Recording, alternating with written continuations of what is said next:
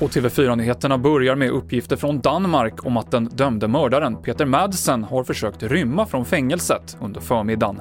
Enligt danska tidningar ska Madsen ha sagt att han hade en bomb och tagit sig ut, men sen gripits på nytt utanför fängelset.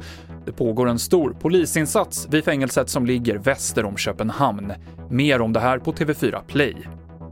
De kinesiska telekombolagen Huawei och ZTE får inte vara med och bygga ut det svenska 5G-nätet. Anledningen är att företagen anses kunna vara en säkerhetsrisk. Så när myndigheten Post och telestyrelsen ska dra igång de första aktionerna av 5G-frekvenser så får inte kineserna vara med.